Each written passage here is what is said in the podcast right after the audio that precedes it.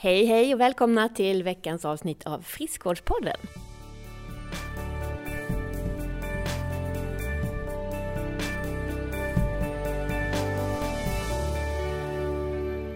Idag är vi tre personer i studion. Jag heter Kajsa Asp Jonsson och med mig som alltid har jag Anna Krantz. Ja. Och men det roliga är också att vi är på ett speciellt ställe idag. Just det, precis. Man blir lite så här, ja men det är lite mystiskt ställe. Vi är på Universium. Precis. Vi har blivit eh, erbjudna en fin lokal här. I, det känns som vi gick väldigt långt ner i källaren och långt in i, Mm. i eh, kratrarna, höll jag på att säga. Mm, Ja, kulverten menar jag. Men, Ja, nu, nu, Ja, nu tasslade du in dig. ja. Men vi har ju en gäst här som Ja. vi måste presentera. precis, Emma Blomdahl Wahlberg, välkommen hit. Tack så mycket. Vem är du då? Eh, Jag är kommunikationsansvarig på Generation Pep och Generation Pep är kronprinsessparets initiativ för barn och ungas hälsa, kortfattat. Älskar det. Mm. Och vi är ju peppare. Precis. Både Hugo och, eh, Och jag. och du. Ja. Och det är ju så, alltså jag är, jag är stolt över det. Mm. Mm.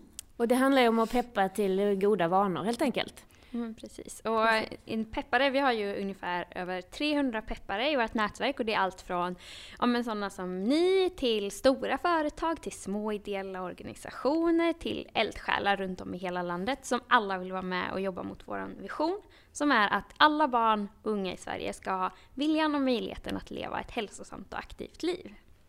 Det var ju lite därför också som jag pratade med Lena då, Sjöstrand som är programchef på, här på Universium.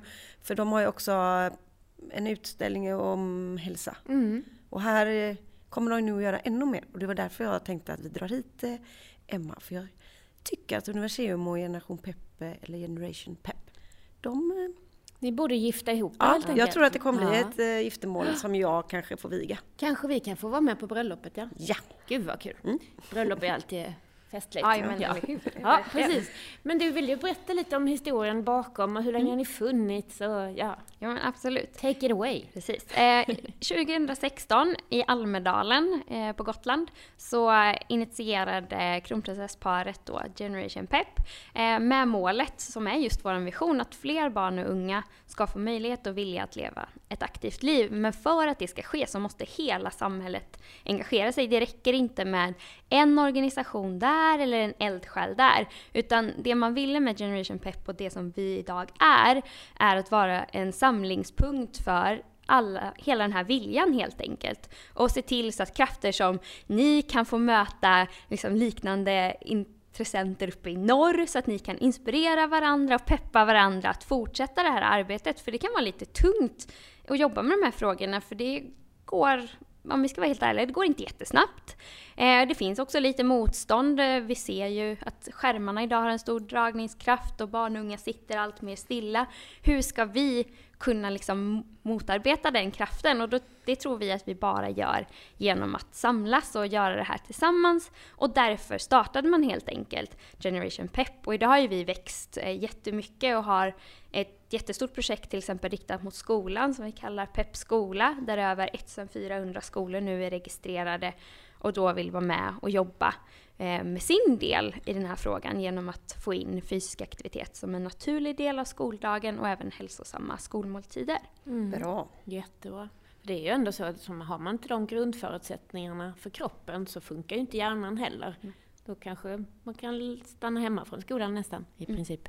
Nej, det ska vi inte säga. Men, nej, Men det är ju ändå konstigt, som vi också pratade om förut, på skolan så säger man sitt ner och var tyst. Alltså, hallå. Det gjorde man eh, 1812 med. Mm. Så det har inte förändrats någonting. Varför har vi... Ja, men jag tänker ju alltid på Nalla, han kan ju inte sitta still. Så varför kan... Har ju sänkt bara skrivbord. Så här. Det finns också en del skolor som nu har börjat köpa in eh, ja, pedaler så att eleverna sitter ner men de trampar eh, på pedalerna samtidigt. Och det tänker jag är ju ett liksom, sätt att ändå vara på samma plats. Man kan sitta med sin liksom, bok eller med sin padda eller dator men man kan ändå vara i rörelse. Eh, så det finns många smarta sätt att liksom, få in fysisk aktivitet och rörelse som en naturlig del utan att det hindrar undervisningen. Och där tror jag att vi behöver bli bättre och förstå den innovation som faktiskt finns. Ja. Men man också... Jag kan ju, jag, vi eller vi är ju mer mot vuxna. Så om inte vuxna förstår det här lätta, då är det svårt att barn ska förstå det. Så det måste ju komma från vuxna. För jag tänker också att vi vuxna sitter ju ner extremt mycket på arbetet med, så vi behöver också ha lite pedaler. Ja, ja men verkligen. Och sen är vi ju framförallt också förebilder för barnen. Mm. Nu ser de ju inte oss på jobbet, men de ser ju vad vi gör på fritiden. Och många vuxna har ju också ett extremt stillasittande fritidsliv. Liksom. Mm. Och det är ju någonting som vi också kan se. Vi släpper varje år en rapport som vi kallar PEP-rapporten.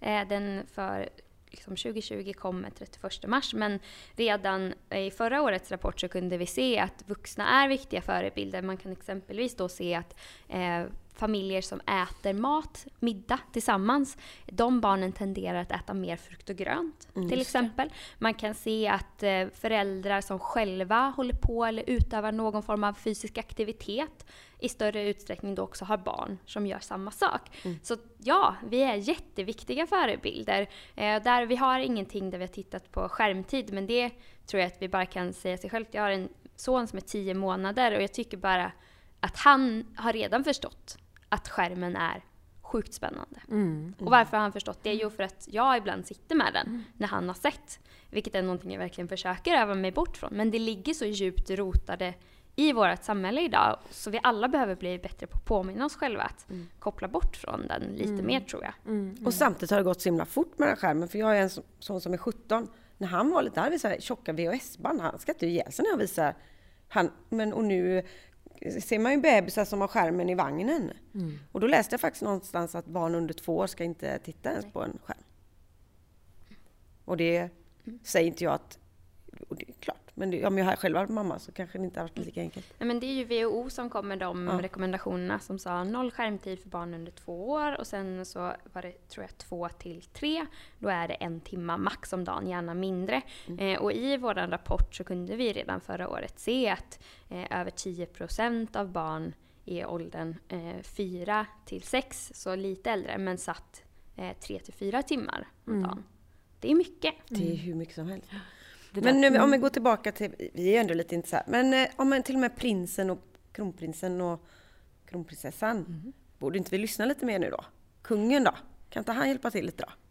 Ja, men jag tänker att vi har ju jättemånga eh, bra förespråkare i vårt nätverk såklart. Kronprinsessan och eh, prins Daniel är ju fantastiska, men även vår verksamhetschef Carolina Klyft ja. är ju en jättebra förebild. Sen har vi också massa ambassadörer anknutna till oss. Jessica Almenäs är en, Mårten Nylén, eh, Jiloan Hamad, Sara Sjöström eh, och Per Kasperi. Så de har liksom olika eh, samhälls utmaningar som de jobbar inom och mm. där de kan hjälpa oss att nå ut.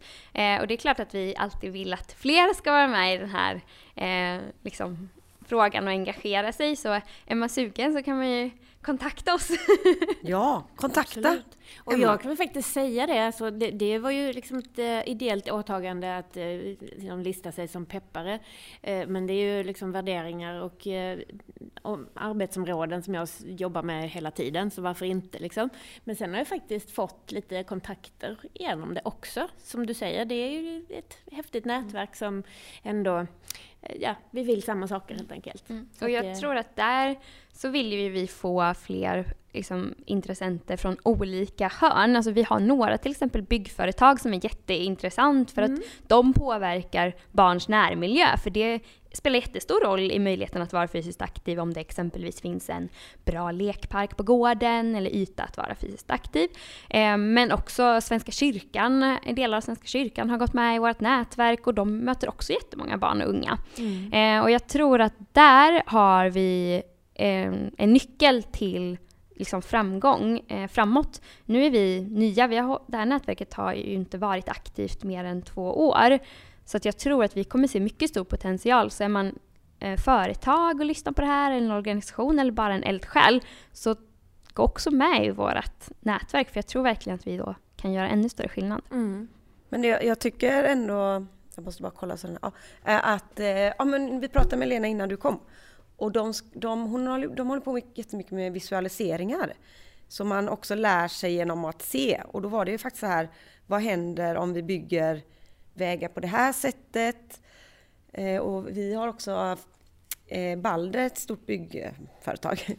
Eh, de ska bygga ett nytt område i Eklanda och de har varit på oss och frågat om vi kan hjälpa till med utegym, kanske springrunder och även löpargrupper och få ihop det till de som flyttar in där. Så det finns redan när människor flyttar in. För det är ju, ibland är det ju svårt för vuxna människor att lära de nya vanor. Men om vanorna redan finns så kommer man liksom inte undan.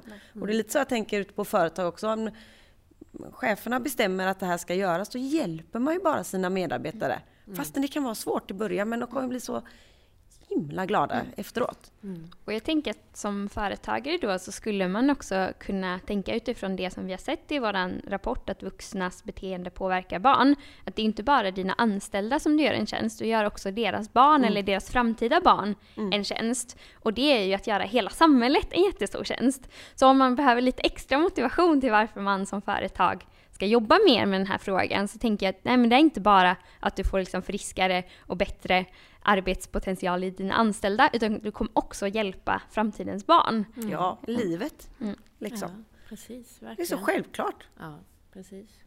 Du, vi, vi pratade om det lite innan vi satte igång micken här. Så det är ju ganska lätt att nå de som redan vill och som är intresserade av bra mat och, och att tycker det är kul att träna och så. Men hur, hur kommer vi liksom åt de andra? De som faktiskt mest behöver det. Ja. Och det är ju en utmaning för oss också. Eh, vi ser ju det till exempel när vi gör så granskningar av våra Facebook-konton eller andra sociala mediekonton att ja, majoriteten av de som följer oss har redan ett intresse för de här frågorna. Och vi försöker ju då liksom aktivt göra satsningar för att nå ut eh, till framförallt personer på landsbygden där vi vet att utsattheten är extra stor men också i socioekonomiskt utsatta områden. Eh, och där handlar det om att vi behöver sänka tröskeln och verkligen göra det tydligt att nej, att röra på sig handlar inte om prestation. Du behöver inte springa ett maraton. Det räcker att du går en promenad på 30 minuter varje dag så har du gjort din hälsa en enormt stor tjänst. Mm. Eller bara gå ut med dina barn och lira lite boll eller kasta basketboll, i vad som helst, i en kvart så är det en stor skillnad för ett barn som annars kanske inte hade rört på sig alls. Mm. Eh, så jag tror att vi måste liksom börja där, men också koppla bort det från utseendehets. Mm. Eh, för att det handlar inte om att vi ska röra på oss för att vi ska se ut på ett visst sätt. Det handlar om att vi ska röra på oss för att vi då kan minska risken för cancer, kan minska risken för hjärt-kärlsjukdomar, diabetes typ 2 och också depression. Mm. Vi kommer må bättre. Det är liksom skitsamma faktiskt hur vi ser ut, mm. så länge vi mår bra. Mm. Och för att vi ska må bra så måste vi göra det som kroppen är gjord för och det är att vara i rörelse. Och om det är att hoppa på en studsmatta, cykla eller gå till jobbet, gå ut och springa en mil eller stå och kicka boll eller dansa i vardagsrummet, spelar ingen roll. Nej. Vi måste liksom vara schyssta mot oss själva där och inte tro att vi ska bli Iron Mans med en gång. Liksom. Nej, de är ganska få.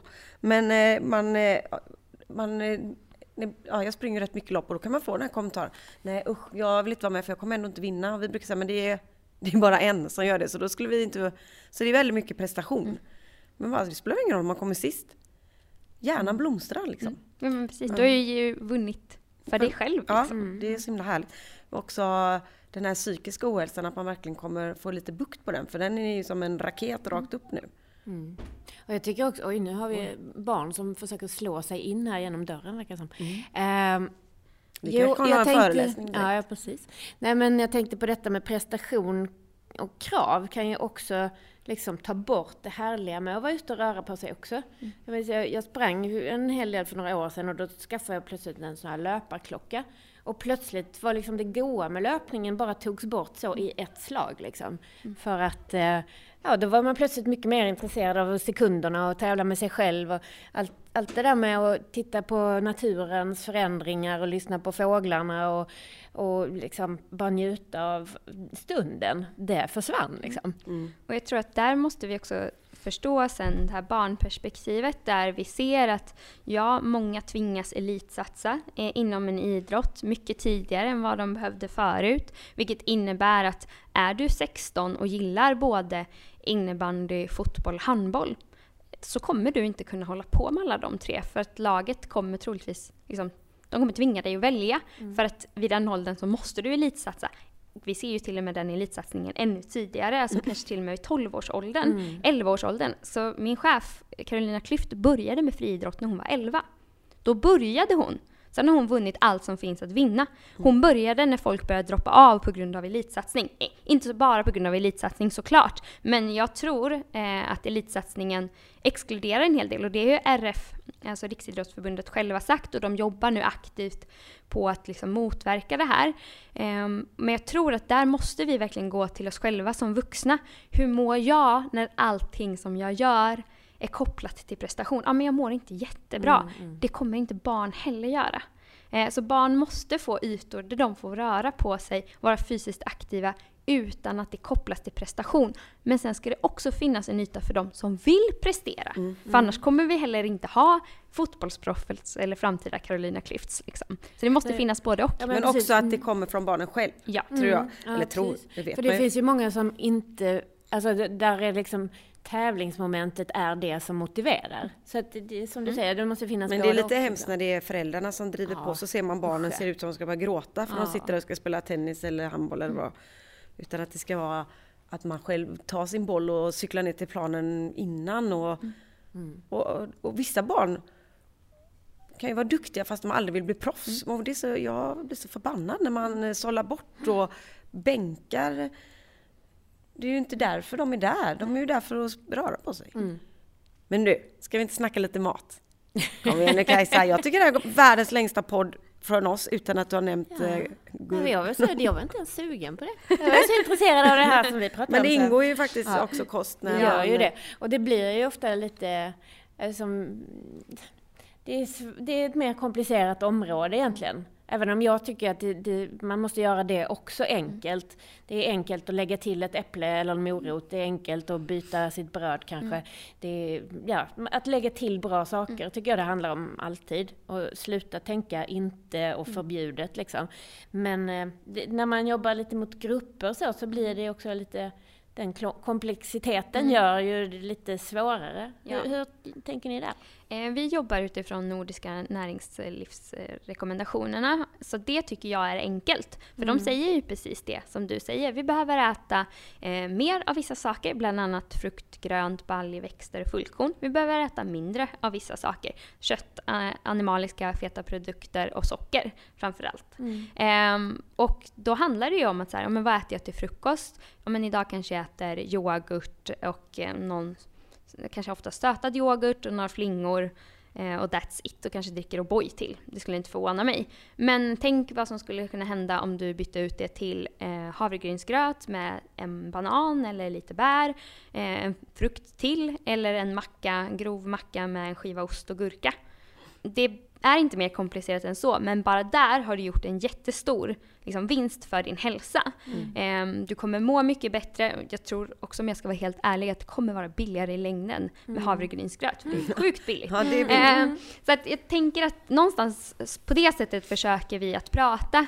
Eh, att det handlar inte om att vi ska aldrig få äta det här eller måste bara alltid äta det här. Men vi är, lever i en kontext där vi blir matade från media och liksom populärkulturen av så många olika dieter. Mm. Och du får resultat så här fort och du kommer se ut så här om du äter så här och ät bara det här så kommer du må så här. Det är otroligt förvirrande för oss att ta in så mycket information. Medan det som vi egentligen bara behöver veta är den här matpyramiden. Mm. Det är inte mer komplicerat än så, men omgivningen runt omkring oss har tyvärr gjort det mycket mer komplext. Mm. Och sen är det ju stor skillnad med vad som skrivs i tidningar och media och liksom dietbudskap kontra det som vi möts av ute på stan. Ja. Liksom donuts och våfflor och alltså hur mm. mycket mm. sånt som helst. Det är ju mm. nästan svårt att få tag i ett mellanmål som inte innehåller mm. väldigt mycket socker och fett. Och där har ju verkligen alltså, hela den industrin, alltså livsmedelsbutiker framförallt, tycker jag ett jättestort ansvar att göra det bra valet till det enkla valet. För idag är det inte så. Eh, och vi, jag tycker vi ska vara kritiska mot eh, liksom livsmedelsindustrin och ställa liksom, dem mot väggen och fråga. Men varför måste godis finnas precis innan kassan? Varför ligger det alltid chokladkakor precis vid kassan? Varför finns det inte där frukt? Mm. Eh, och det är ett medvetet val av dem, för de tjänar mer pengar på det. Mm. Eh, men någonstans så tycker jag att de borde ta sitt samhällsansvar, för pengar kan inte vara allt när vi står inför faktiskt en stor samhällsutmaning där allt fler lider av fetma. Vi blir inte bara liksom lite tjockare, vi blir lider av fetma som är ett sjukdomstillstånd. Mm. Och det är allvarligt. Eh, och då tycker jag att industrin måste ta ett större ansvar. Mm. Man hatade verkligen den här godisgrejen när man hade, nu har du en tio månader, men säg om ett år. Åh gud vad jag släpade och drog. Eh, för att de, eh, det ser bara de här härliga färgerna och sockret. Så man borde nästan ha så här du vet ibland går man in i speciella kylar för att gå och hämta mjölken har jag tänkt på. Man borde ha en sån dörr. Mm. Där går man in för att köpa läsk, chips och godis och då hade man ju inte antagligen eller Nej. väldigt många gånger hade man ju inte gått in där. Det är ju lite mm. pinsamt att köpa godis. Som att köpa cigg. Mm. Ja, men om man är Trodde det för mig då? Ibland skickar ju mina familjer så här, äh, du kan väl handla godis också. Jag bara, Nej men alltså ärligt, jag vet inte vad ni vill ha. Ska ni ha godis får ni köpa det själva. Då får man åtminstone ta sig ur soffan och uh, gå iväg och ha lite fysisk aktivitet på vägen till godisaffären. så måste man liksom alltid lägga till minst en frukt. Så känner jag så här, är jag sugen på godis så måste jag också alltid köpa en frukt. Ja.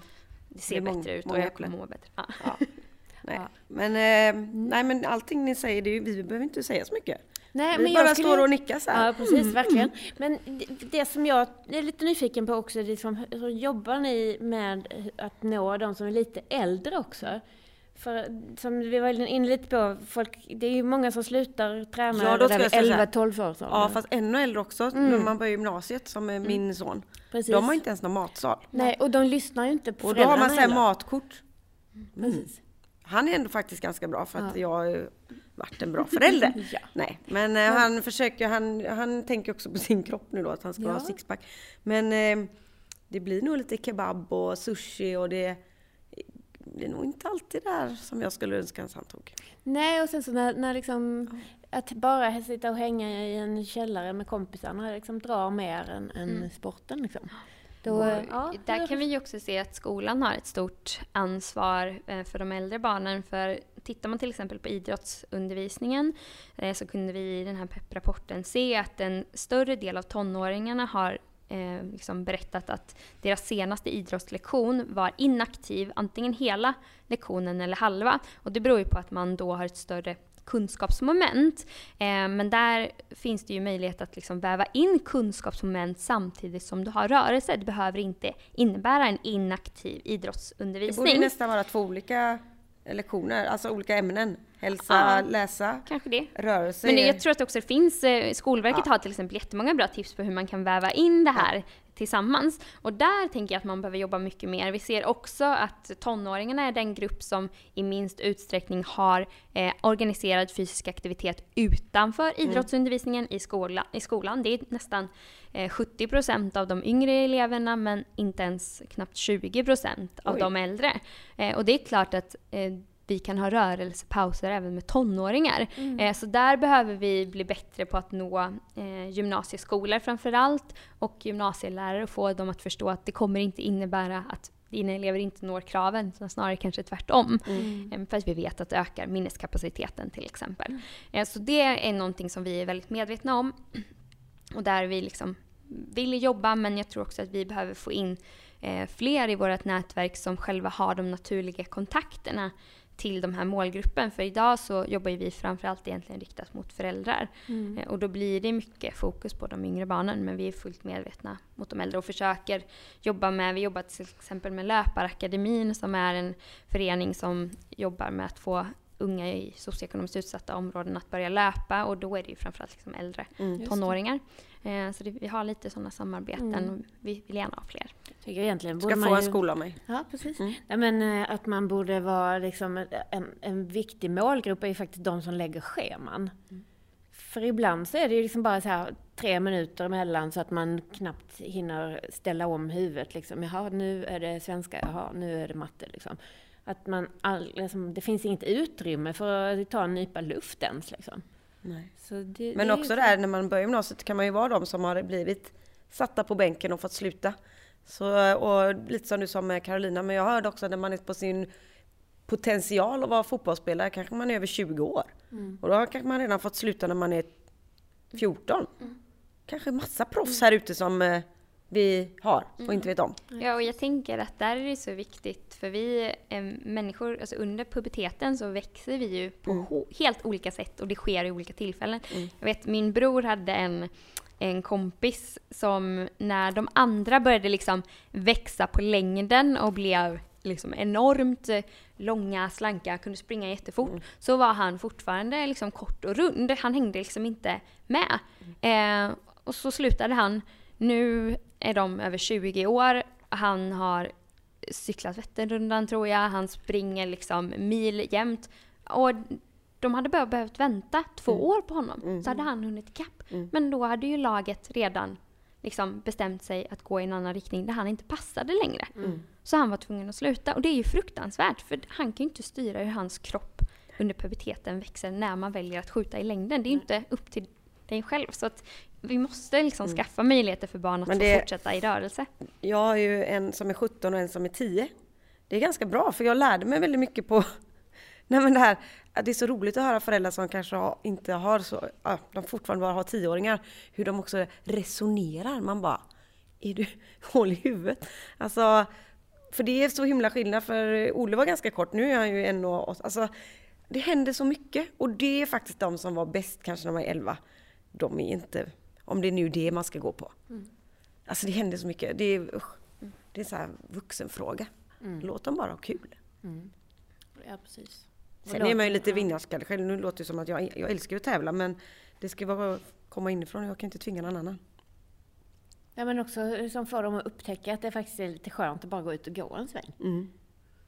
Ja, faktiskt. gå på gymmet. Ja, men också det här med att eh, få lite luft. Liksom. Men när han blir körd till fotbollsträningen och så är man på fotbollsträningen och sen blir man hämtad från fotbolls... Det behöver inte heller vara att man är super aktiv. Nej. För det kan ju vara att man kanske inte gör så mycket. Så man behöver kanske den vägen dit mm. och hem är lika viktig som timmen på plan. Absolut, liksom. alltså vardagsrörelse är ju mm. jätteviktigt och där kan vi till exempel, finns det studier som visar att eh, andelen liksom barn och vuxna som cyklar och transporterar sig via cykel till exempel har minskat jättemycket sedan bara 1990-talet. Mm. Eh, och en stor anledning till varför föräldrar säger att man till exempel skjutsar sina barn till skolan med bil är för att ja, men man är så rädd för trafiken. Mm. Ja, och just därför så kör du ditt barn och alla andra kör sitt barn, alltså fler bilar på vägen. Mm. Så tänk om vi liksom gemensamt i en klass kunde bestämma att nu cyklar alla barnen i den här klassen och vi kan samcykla.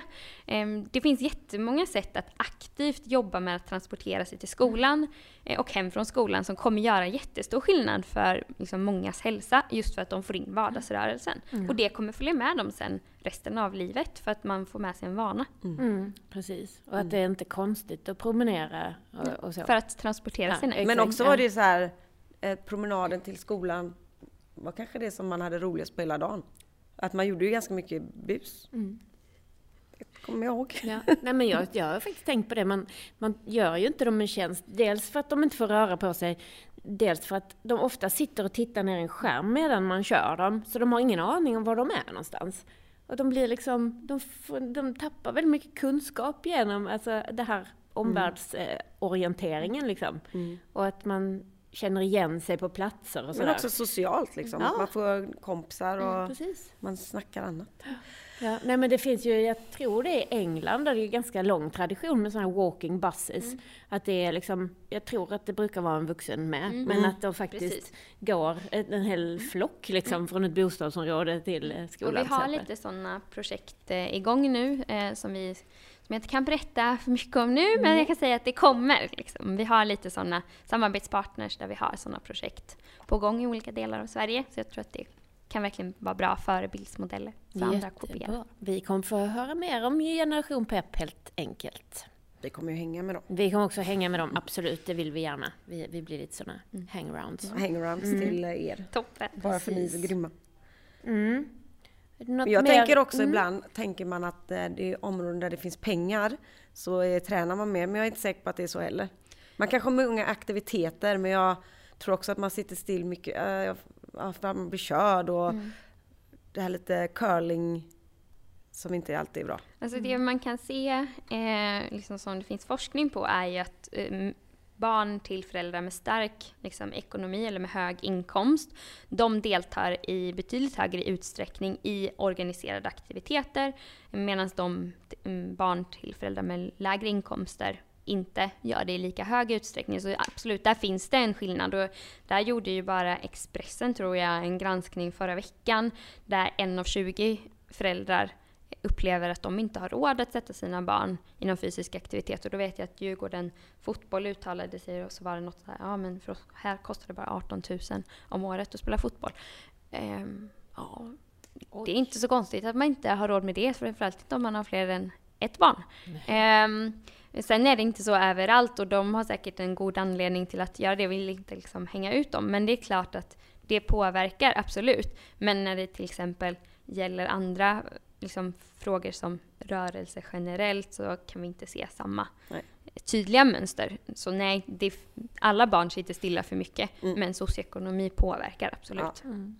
hur, ska, hur ska vi komma bort ifrån det här eldsjälsberoendet då? För det känns ju som att det ofta är typ en fritidsledare på en skola eller så är det liksom, ja, det är någon speciell person som det ofta står och faller med lite grann. Alltså jag tror att vi behöver bli bättre på att göra det tydligt, lite som så klimat och miljörörelsen har gjort, att så här, men alltså det här kommer på riktigt få en impact på dig. Mm. Du kommer inte kunna köpa samma produkter för de kommer inte kunna produceras eller liknande. Så har ju lite miljörörelsen faktiskt lyckats nu efter ett långt tag. Mm. Eh, och jag tror att vi behöver liksom komma dit med hälsorörelsen om vi säger så. Att vi behöver få folk att förstå att det här är inte, vi gör inte det här för att det liksom bara är bra för samhället. Vi gör också det här för att det också är bra för dig. Mm. Och du ska vilja ändra på dina vanor för att det är bra för dig. Du behöver inte göra det för samhällets skull. Utan du gör det för din skull. Eh, och att man ska förstå den skillnad som det faktiskt gör för mig direkt här och nu. Så jag kommer minnas bättre mm. bara över att jag har varit ute och rört på mig idag. Mm. Och det, där har vi fortfarande lite jobb att göra med att förmedla det tror jag. Mm. Men jag tänker så här, i skolan lär man sig ju om kungar och grejer som var för lång, lång, lång, lång tid. Kanske jag tänker ändå att man skulle ha ett ämne som var typ ja, men hälsoämne som man, som man lär sig hur, när man sover får man med hjärnceller, man ska säga hej till dem på morgonen, du ska vara glad för att, för på vår tid dog ju hjärncellerna och så fick man inga nya. Nu får man ju nya hela tiden och det är ju väldigt mycket i rörelse det kommer. Mm. Så det är så himla... Det, så här, det lät som att det hade skett en evolution. Ja men det har ju nästan gjort det. var mer hur man pratade om ja, men, det, vad man visste. Liksom. Ja, men, det var ju så förr. Slår du huvudet i... Det var ju så här, du vet när vi gjorde så här headbanga så sa ju folk att våra hjärnceller dog. Så jag inte så, då kan dina hjärnceller dö. Ja, ja, och då är det inte så att vi... Att man as. föddes med ett visst antal och, och sen så, bara det, droppar de droppar av efterhand. Så. Mm. Ja, det är ganska roligt mm. liksom. Ja. Att det, och det är kanske människor som går runt och tror det än menar jag. Mm. Mm, så man kanske måste lära men du tror inte på mig för du är mycket yngre. Det var så. Att man... Ja, Framförallt att det, när man liksom gick i typ nu ska jag inte säga vilken ålder, men eh, när man började festa. Han drack alkohol och ja, dog de ju definitivt. Då, då skulle man ju liksom men det liksom var ju förlora tusentals som aldrig fick eh, komma tillbaka. Ja. Ja, nej, Så men är... Eh, nu flippar vi ur här lite kände jag. Vi flippar alltid ja. Nej men, um, är det något mer du vill berätta om Emma? För vi, jag tycker det har varit jättespännande att få ja. höra lite mer och mer. Oj. Det finns ju säkert jättemycket mer, men jag mm. tänker att man får jättegärna besöka vår hemsida, eh, generationpepp.se. Där kan vi, man läsa om alla våra projekt. Man kan också hitta en förteckning på alla våra peppare om man undrar om det finns någon i närheten och där man befinner sig rent liksom, geografiskt. Um, men om man vill bli peppare, då kan ja. man lägga ett mail till er. Ja, Berätta precis. Men det finns en ja. sån, man kan fylla i ett fint formulär på en hemsida Gör så kommer det. det. till min kollega Mattias. Och han är mm. jättetrevlig. Ja, mm. verkligen. Eh, fyll i formuläret. Ni får lägga upp er logga på deras fina hemsida och man känner sig faktiskt väldigt stolt att ligga där. Jag går in och kollar ibland. Är jag kvar? Jajamän. Ja, nej men det får jag säga faktiskt också, varje gång jag har kontakt med er, det är ju väldigt trevliga människor.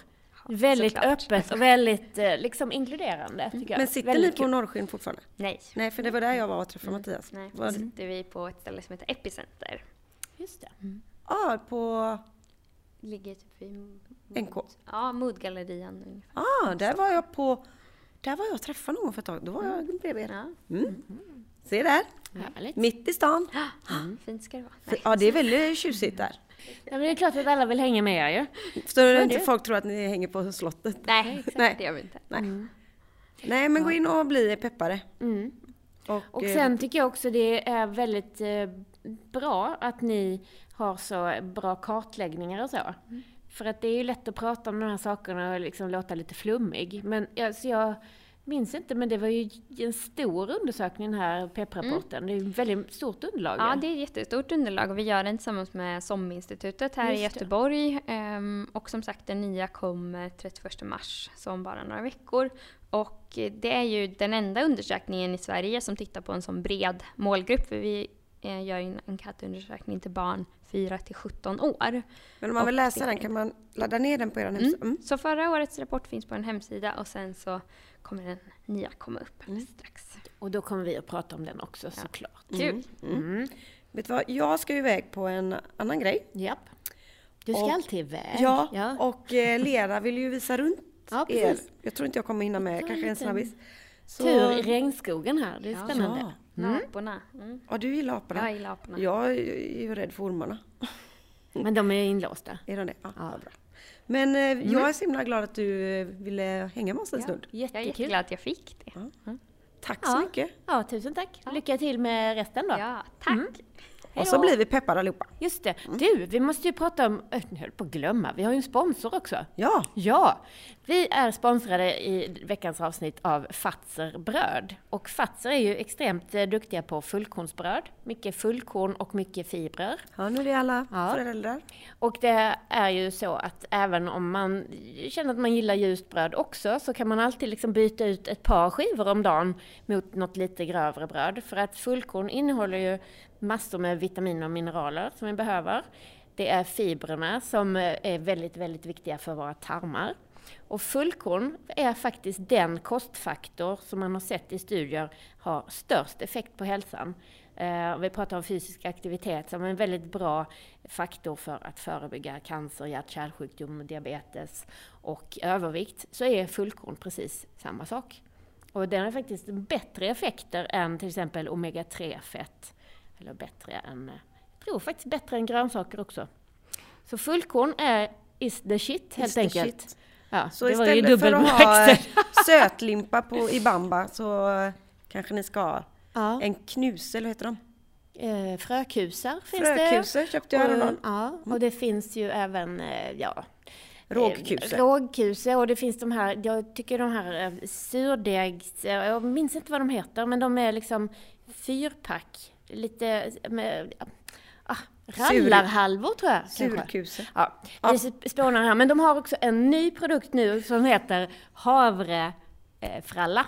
Och den är lite ljusare, men mycket fullkorn i den också. Mm. Så leta efter den. Och eh, välj Fatser bröd, för de har sponsrat det här avsnittet och det är vi superglada för. Ja, det är vi. Tack så mycket Fatser. Tack Fatser. Och tack, och tack Emma för att du kom hit. Mm. Och, och tack alla andra som lyssnar. Ja. Tack!